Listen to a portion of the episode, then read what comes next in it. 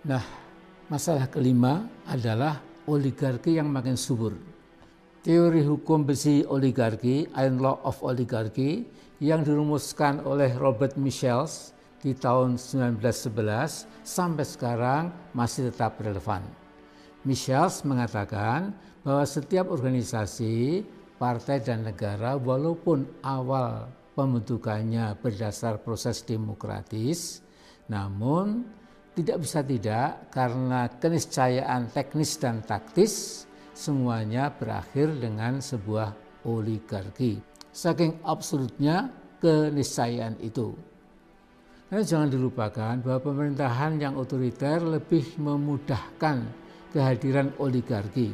Berhubung di balik layar peristiwa-peristiwa penting yang merugikan kepentingan rakyat terjadi di luar pengetahuan publik. Nah, sebagai misal, kita dikejutkan akhir-akhir ini oleh temuan berbagai lembaga. Ada sekitar 370-an rangkap jabatan di BUMN. Ya yang dihuni oleh oknum-oknum dari kalangan birokrasi, kepolisian, penegak hukum lainnya, dan juga oknum-oknum tentara. Masalahnya bukan sekedar pemborosan uang negara karena para pejabat rangkap jabatan itu bergaji tinggi, tetapi yang lebih parah lagi, mereka tanpa merasa salah sama sekali menandai uang dari negara secara tidak sah. Sayang sekali. Pemerintah justru memberi payung kekuasaan. Nah, mengapa Jokowi membiarkan para pejabat yang defisit moral itu terus saja berjalan santai merugikan keuangan negara besar-besaran karena mereka dianggap membantu stabilitas politik rezim. Rekrutmen para pejabat serakah itu tentu dilakukan oleh sebuah tim kecil yang bertanggung jawab pada Pak Jokowi.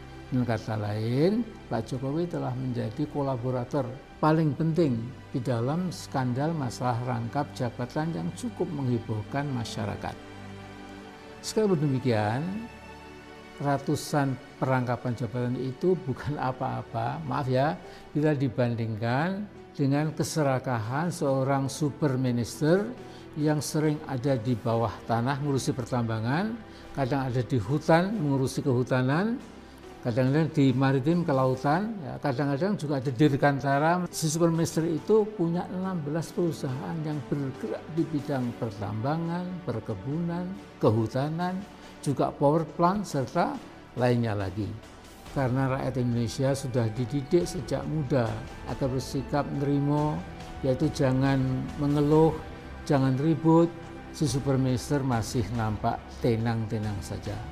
Siapa yang mengalah tidak suka berkonfrontasi serta ribut-ribut akan mendapat akhir kehidupan yang terhormat dan mulia. Itu kata ajaran sebagian pendahulu kita. Dan sikap mental yang cenderung menyukai kekalahan dan mengalah sesungguhnya ikut bertanggung jawab ya di dalam maraknya oligarki di Indonesia. Ciri-ciri oligarki ini adalah tamak dan serakah. Kalau kebanyakan rakyat masih miskin, lemah dan agak bodoh di mata mereka itu semua karena salah rakyat sendiri. Mengapa mereka terlahir dari keluarga yang tidak berpunya sehingga mereka dihinggapi dividism disease, penyakit suka kalah? Tentu memang takdirnya begitu, so what, kata mereka.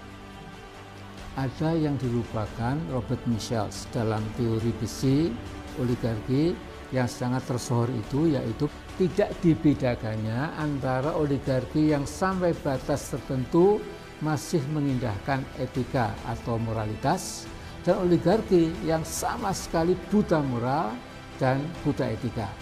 Yang kedua ini punya obsesi aneh oligarki Indonesia termasuk jenis yang kedua. Obsesi mereka hanyalah uang, uang, uang, dan terjebak dalam nafsu kehewaniah yang hanya, maaf ini, mementingkan makan, minum, berkembang biak. Mereka lupa bahwa dalam hitungan puluhan tahun pasti kemudian mereka masuk ke kuburan. Urusan akan diambil alih oleh malaikat mungkar nakir.